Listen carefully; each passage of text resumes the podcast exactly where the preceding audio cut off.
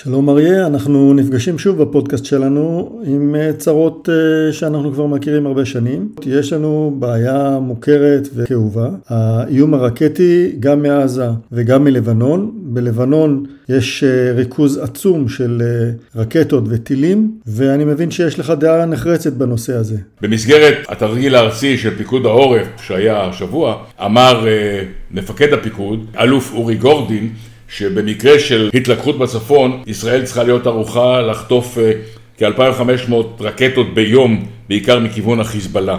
ישראל בשנים האחרונות מסתמכת בתחום הזה של הגנה מפני רקטות על כמה מערכות, בעיקר על כיפת ברזל וקלע דוד, David's Sling.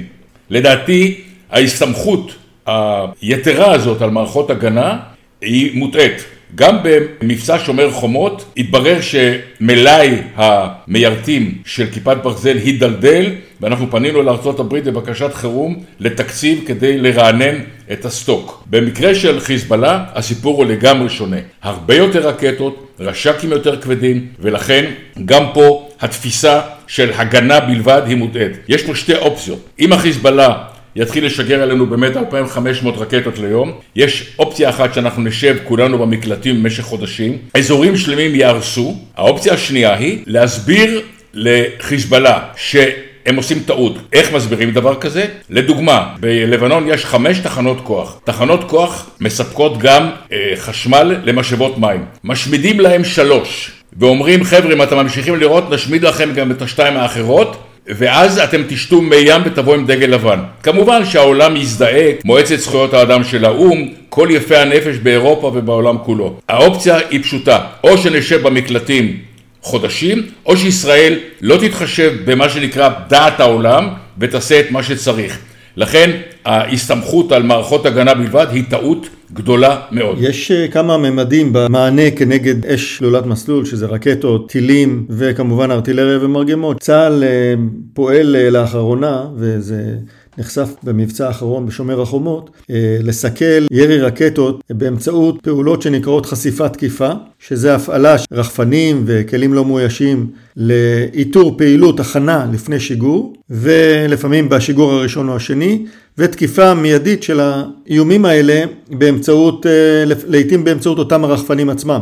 שזה בעצם תקיפה באמצעות חימושים משוטטים. זה היבט אחד של עמידה כנגד הרקטות, זאת אומרת להשמיד את אתר השיגור לפני שהוא מצליח לראות. עד היום ניסו לעשות את זה באמצעות טילי יירוט. קבועי הזמן שכרוכים בדבר הזה לא מאפשרים לסכל שיגור בתחילתו. חשיפת תקיפה מאפשרת לשהות מעל אזור השיגור במשך תקופה ארוכה ולמנוע מהאויב לשגר אליך או, או להשמיד אותו מיד ברגע שהוא מתכונן לשיגור. לגבי אה, רקטות ארוכות טווח, שזה המקרה של אה, חיזבאללה ובעצם גם של החמאס שיורה לעבר תל אביב ומרכז הארץ בלי הכרה, במקרה הזה צריכים אה, לעבוד על הרתעה על ידי גביית מחיר המדיניות הזאת הייתה נהוגה בסוף המאה הקודמת ובתוך כדי מלחמת לבנון, השמדה של אה, הדחיה למשל, השמדת תשתיות תחבורה בלבנון. האופציה הזאת עבדה כל זמן שבצד השני היה גורם אחד שיכל להפעיל או להפסיק. חיזבאללה לא נראה היום שהוא יהיה מסוגל לשלוט בלבנון ולכן